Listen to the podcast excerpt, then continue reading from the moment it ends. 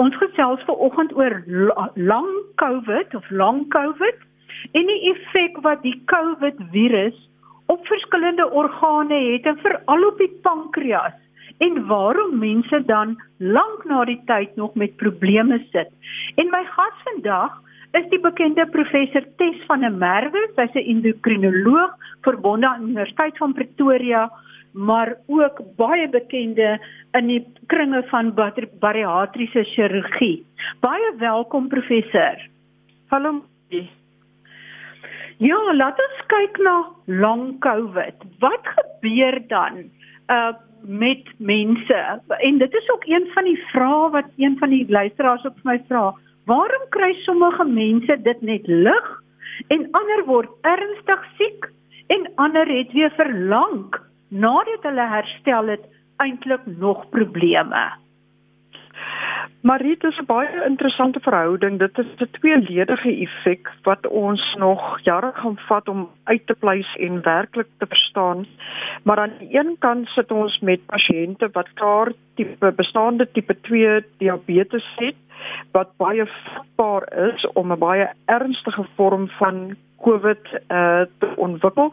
En ek gaan sommer reg aan die begin sê Marie, ons het nog nie die antwoord hoekom party mense in aanraking kan kom met COVID mense en en net 'n 'n 'n klein ligte verkoue simptome beeld het en ons aan die ander kant mense het wat nie eers weet hulle was blootgestel en uiters uiters siek weet uh, word.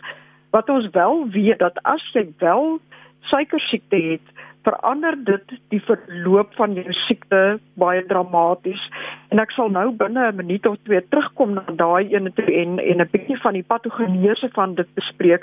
So aan die een kant het ons die mense wat klaar bestaande diabetes is, uh wat op 'n baie hoë risiko is en dan het ons 'n totale nuwe verskynsel en ek kan jou eerlikwaar sê hier het dit werklik die wind uit ons seile uitgehaal waar ons 'n nuwe vorm van suikersiekte uh, sien wat ontstaan met uh, COVID. Die pasiënt hoef nie eers noodwendig baie siek te gewees het nie. Ons weet op hierdie stadium nog nie of dit verander in 'n tipe 1 of 'n tipe 2 diabetes en of daar 'n moontlikheid is dat daai pasiënt dalk 'n baie matige vorm van tipe 2 diabetes gehad het waarvan hulle nie bewus was wat dan deur die binding aan die ysmolekuule in die pankreas vererger word en dan dink ons hulle 'n nuwe tipe vorm van uh, suikersiekte ontwikkel, maar dit was eintlik 'n tipe 2 siekte wat erger geword het. Ons sien ook mense op lang duur wat COVID gehad het wat hulle selfs 'n tipe 1 pasiënt begin gedra wat baie bekommerniswekkend is.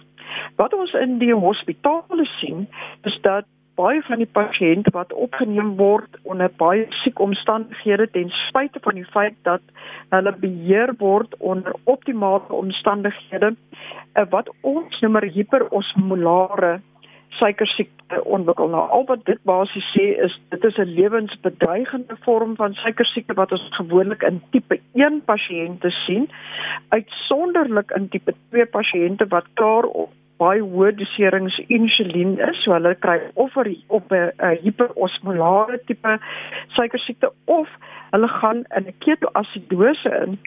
En dit beteken basies dat hulle metabolisme gaan in 'n toestand van skok in en hulle ontwikkel sekere abnormaliteite in hulle pH balans van hulle suiker is so moeilik om onder beheer te bring Hulle benodig enorme hoeveelhede insulien. Ons het al pasiënte gehad in die ICU wat tot 300, 400 eenhede 'n dag benodig net om hulle bloedsuiker onder beheer uh, te hou. En hierdie is alles nuwe verskynsels vir tipe 2 diabetes wat ons nooit voorheen uh, gesien het nie en wat vir ons 'n groen liggie in die toekoms sal gee, maar op hierdie stadium 'n groot rooi lig van hoe ons hierdie pasiënte moet behandel. So wat gebeur is is jy het 'n uh, 'n uh, 'n uh, pasiënt wat wat basies COVID opdoen, die virus is eintlik te lief vir al hierdie endokrinologiese organe.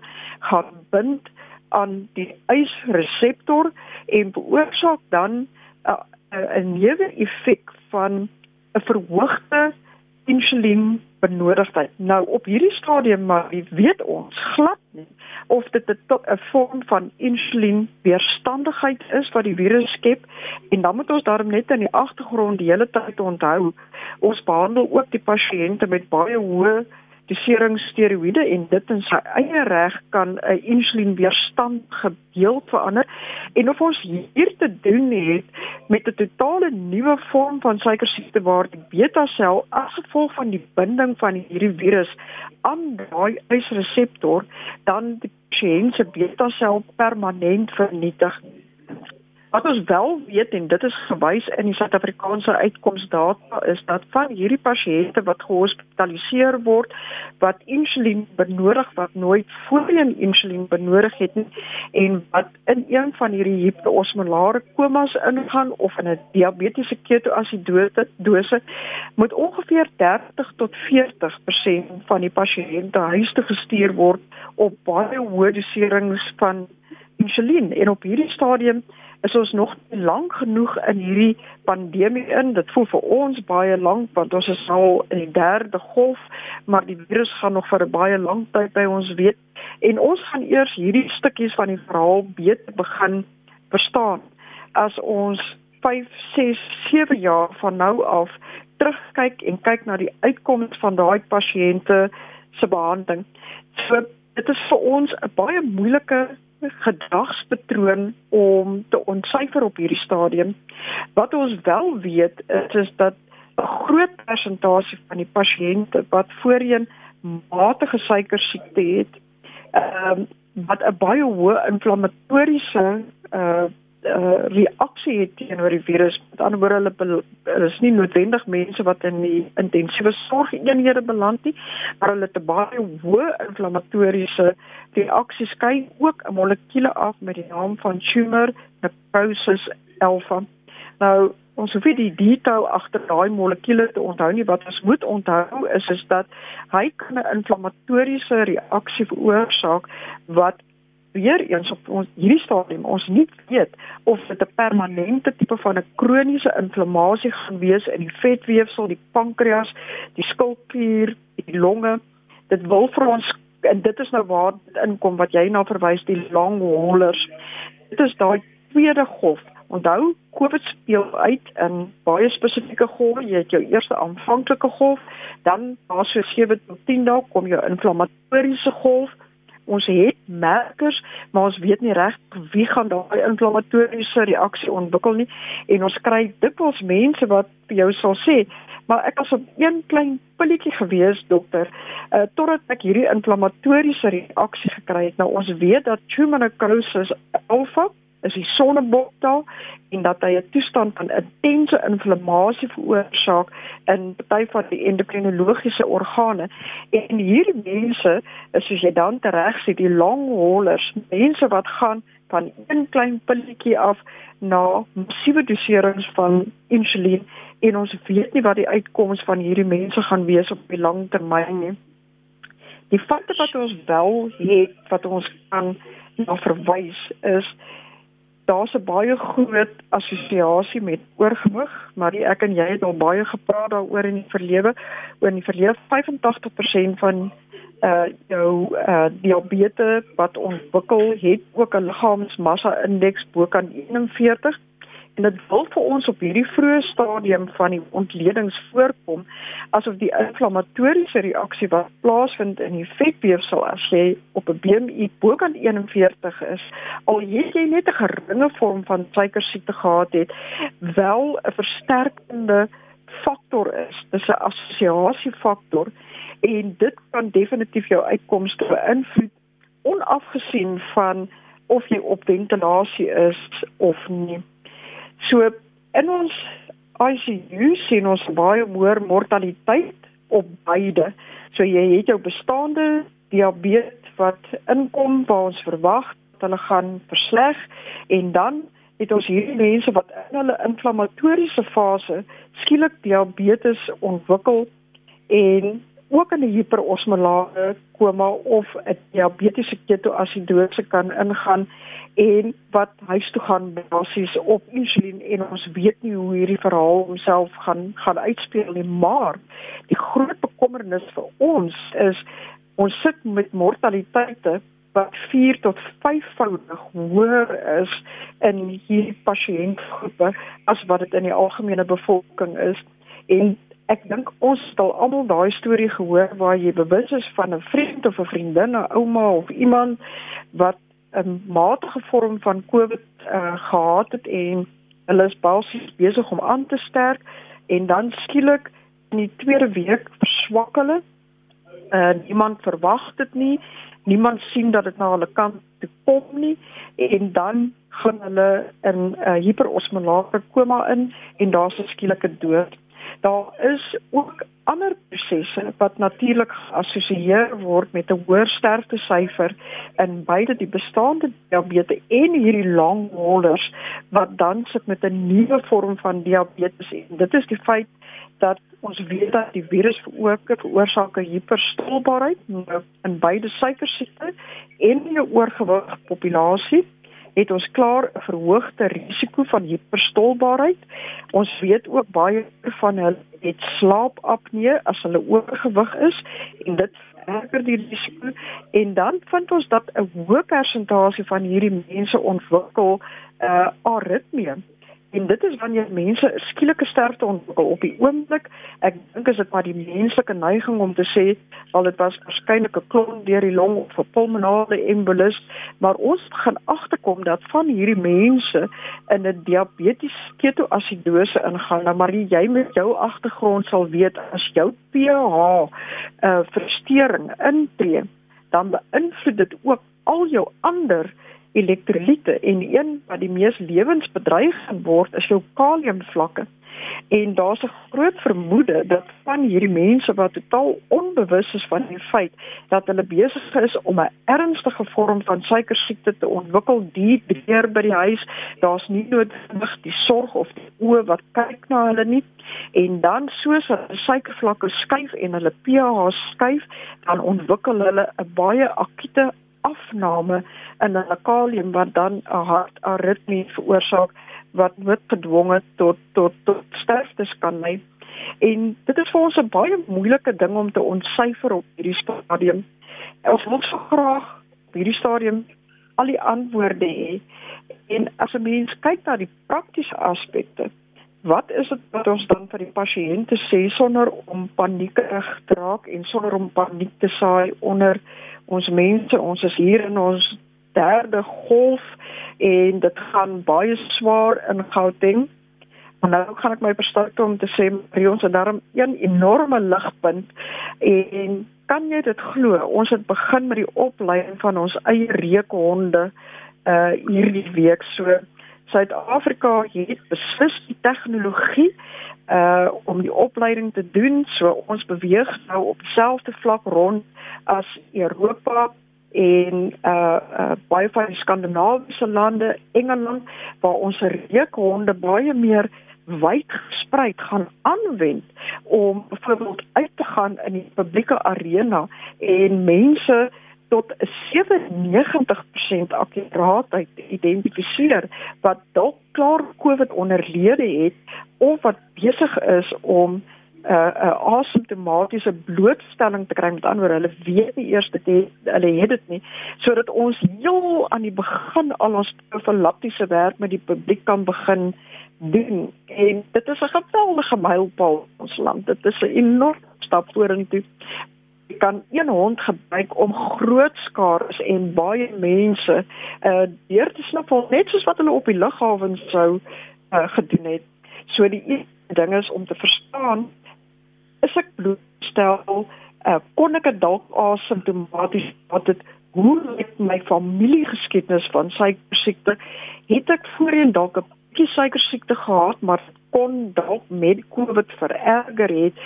Die bewuswording is die eerste vlak uh van van profilakse. En dan is die tweede ding is dat mense moet aanvaar dat dit nie noodwendig 'n absolute gegewe is dat as jy voorheen op een pilletjie metformin was, dat dit is hoe dit gaan wees as jy deur COVID gegaan het. Dit maak nie saak of dit 'n ernstige vorm van COVID was en of dit 'n ligte vorm van COVID was. En dit is uiters belangrik vir die diabetes, al die oorgewig diabetes om 'n bewustheid te begin kweek om te sê ek moet my vingerprikke gereeld toets. En dan die volgende stap is om te begin kyk na daai mense wat werklik in die in die hoë kategorie uh fases rondbeweeg met ander woorde mense of pasiënte waarvan ons bewus word wat wel baie ernstig siek was wat ontslaan word op insulien en waar opvoeding nou onder daai mense gedoen moet word om hulle te laat verstaan dat 40% van daai mense kan nie lewe met hoop dat hulle weer net gaan teruggaan op die pilletjie nie en dat insulien en behoorlike insulien uh serings hulle voorland is en dat ons almal verantwoordelikheid het om daai mense te identifiseer en hulle op te lei om te weet hoe hulle hulle self moet versorg van van hier af. Want soos ons klaar weet maar jy weet as jy COVID een keer gehad en jy COVID weer kry. En as jy eers in die fase is waar jy 'n hiperosmolaar koma kry of 'n diabetiese ketoasidose as dit die tweede keer sou gebeur, as jy dalk een van daai ongelukkige mense is wat dalk vir die tweede keer kry, dan begin ons kyk na mortaliteite van hierdie in hierdie pasiënte van tussen 30 en 40 persent. Geweldig hoog. Sjoe, uh, professor, met ander woorde, die belangrikste is eintlik dat mense met hoë risiko's eintlik so ver as moontlik probeer keer dat hulle COVID kry. Ehm uh, met ander woorde uh, beveel jy vaksinering aan en dat hierdie mense so versigtig as moontlik moet wees om nie COVID te kry nie omdat dit in 'n mate so onvoorspelbaar is wie dit lig gaan kry en wie met hierdie lang COVID gaan sit. Dis absoluut vir Marie. Ek dink dit is maar die ou storie. Uh hoe sê hulle ons is COVID exhausted. Ek dink mense is moeg daarvan. Uh almal voel die stres van die ekonomie op die oomblik. Ek dink mense versorg hulle self noodwendig tot op dieselfde vlak van hulle gesondheid as wat hulle moet nie. Hulle raak vat agterloosig en ek dink dit is waar mense soos jy en RSG en en die media 'n geweldige rol speel in die die die voortsleepende bewusmaking van hierdie is nie 'n virus waarmee ons speel nie. Dit is nie 'n virus wat ons verstaan van A tot Z nie. Ja, daar is ligpunte in ons kennis wat ons begin sien, ons begin baie dinge beter verstaan. Ons weet wat mense in die moeilikheid kan beland. Ons weet ons ek hoop ons kan ons reukhonde op 'n massiewe skaal ontplooi uh, binnekort Marie want ek weet nie jy het seker self gesien ek weet nie wat was jou waarneming in die winkelsentrums en so aan die my gewaarwording is agterloosigheid. Ehm uh, ek sien baie mense wat rondloop uh, sonder maskers. Ek sien baie mense wat hulle steur aan enige vorm van sosiale afstand beheer nie. Ek sien baie mense wat nie hulle hande sprei nie. En ek dink tog dat dit sal 'n totale nuwe dimensie byvoeg as ons hierdie reukhonde deur K9 op 'n massiewe skaal kan begin ontplooi om rond te loop tussen ons skare soos hulle op die lughawes doen en mense wat wat klaar bestaande COVID het tussen die ander mense kan identifiseer want soos met enige massiewe pandemie behalwe vir die inentings wat ek weer eens die mense wil aanmoedig herhaaldelik maar asseblief julle moet laat inent. Vergeet van al die bogstories jy hoor ja dit is so dat jy weer covid kan kry na 'n inenting maar jou kanse op op oorlewing is dramaties hoër. Maar as ons werklik hierdie epidemie wil wen moet ons een stapie vorentoe gaan en ons moet die mense wat besig is om die virus versprei tussen ander groot skares moet ons moet ons onder beheer kry en geen meer elegante en pragtige manier as om ons reekhond wat so akkuraat is 97 tot 98% akkuraat soos 'n COVID toets gou as moontlik in ons winkelsentrums en in alle openbare gebiede te ontplooi nie Ek hoop ek kan spoedig een van hierdie honde ontmoet en ek hoop nie een van hulle se name is Corona nie. Nee, ek dink ek gaan dit tes noem. ba baie baie dankie professor van der Merwe. My gas vandag was professor Tes van der Merwe, bekende endokrinoloog verbonde aan Universiteit van Pretoria en ook 'n bekende in bariatriese chirurgie kringe en altyd gereed om te help met al haar kennis. Baie dankie professor van der Merwe. Ek wil net so laaste sinnetjie byvoeg oor 'n besoekie wat ek ver oggend afgelê het hierso in 'n nie COVID saal by Pan Panorama Mediclinic. Baie dankie. Dankie Marie. Ek wil dan net afsluit om te sê ek was ver oggend het ek so 'n draaitjie gemaak by 'n nie COVID saal in Panorama Mediclinic waar ek nou nog steeds sit en van die af uitsaai. En want ek wil gaan kyk het wat gebeur is daar het COVID wel 'n impak op hoe gereeld en gemaklik pasiënte met kroniese siektes soos diabetes, nierprobleme, hartprobleme en ander probleme by hulle dokters en klinieke uitkom. Kom hulle so gereeld by hulle uit of nie? En want ook die immunisering van kinders teen kindersiektes het wel gedaal omdat mense nie meer so gereeld hulle kinders bring vir uh immuniserings nie. So COVID het direkte en indirekte effekte en wel direk en indirek ook op depressie en ander geestesiektes wat nie onderskat moet word nie. Dit het reeds sesvoudig toegeneem. Maar terug by saal 24 en die hele saal C van Panorama Kliniek. En ehm uh, soos ek sê, daar is pasiënte wat getalle met om of dit nie kon regkry om so gereeld hulle dokters te sien vir diabetes en vir nierprobleme as wat hulle moet nie. Maar ek wil nou net vir 'n paar van die mense uh groete sê omdat hulle tyd afgestaan het om met my te gesels, mevrou Valentine, mevrou Brink, mevrou Liebenberg, verpleegster Felicity van Sudan, verpleegster Charlotte van Rwanda, suster Monique van Panorama, Marcia wat die verversings in die tee aandra en al die ander verpleegsters wat in COVID en in nie COVID sale na pasiënte kyk. Wil ek sê baie baie sterkte en baie dankie vir wat julle doen. En ek dink dit is hoogtyd dat Suid-Afrika moet kyk om hulle verpleegkolleges uit te brei en oop te maak sodat daar meer verpleegkundiges opgelei kan word want die tekort aan verpleegkundiges is geweldig groot. daarmee wil ek afsluit en sê gaan asseblief vir vaksinering. Jy kan dalk 'n tweede keer COVID kry, maar die kans dat jy in die hospitaal gaan beland en gaan sterf is baie kleiner. Wees versigtig, dis 'n onvoorspelbare siekte.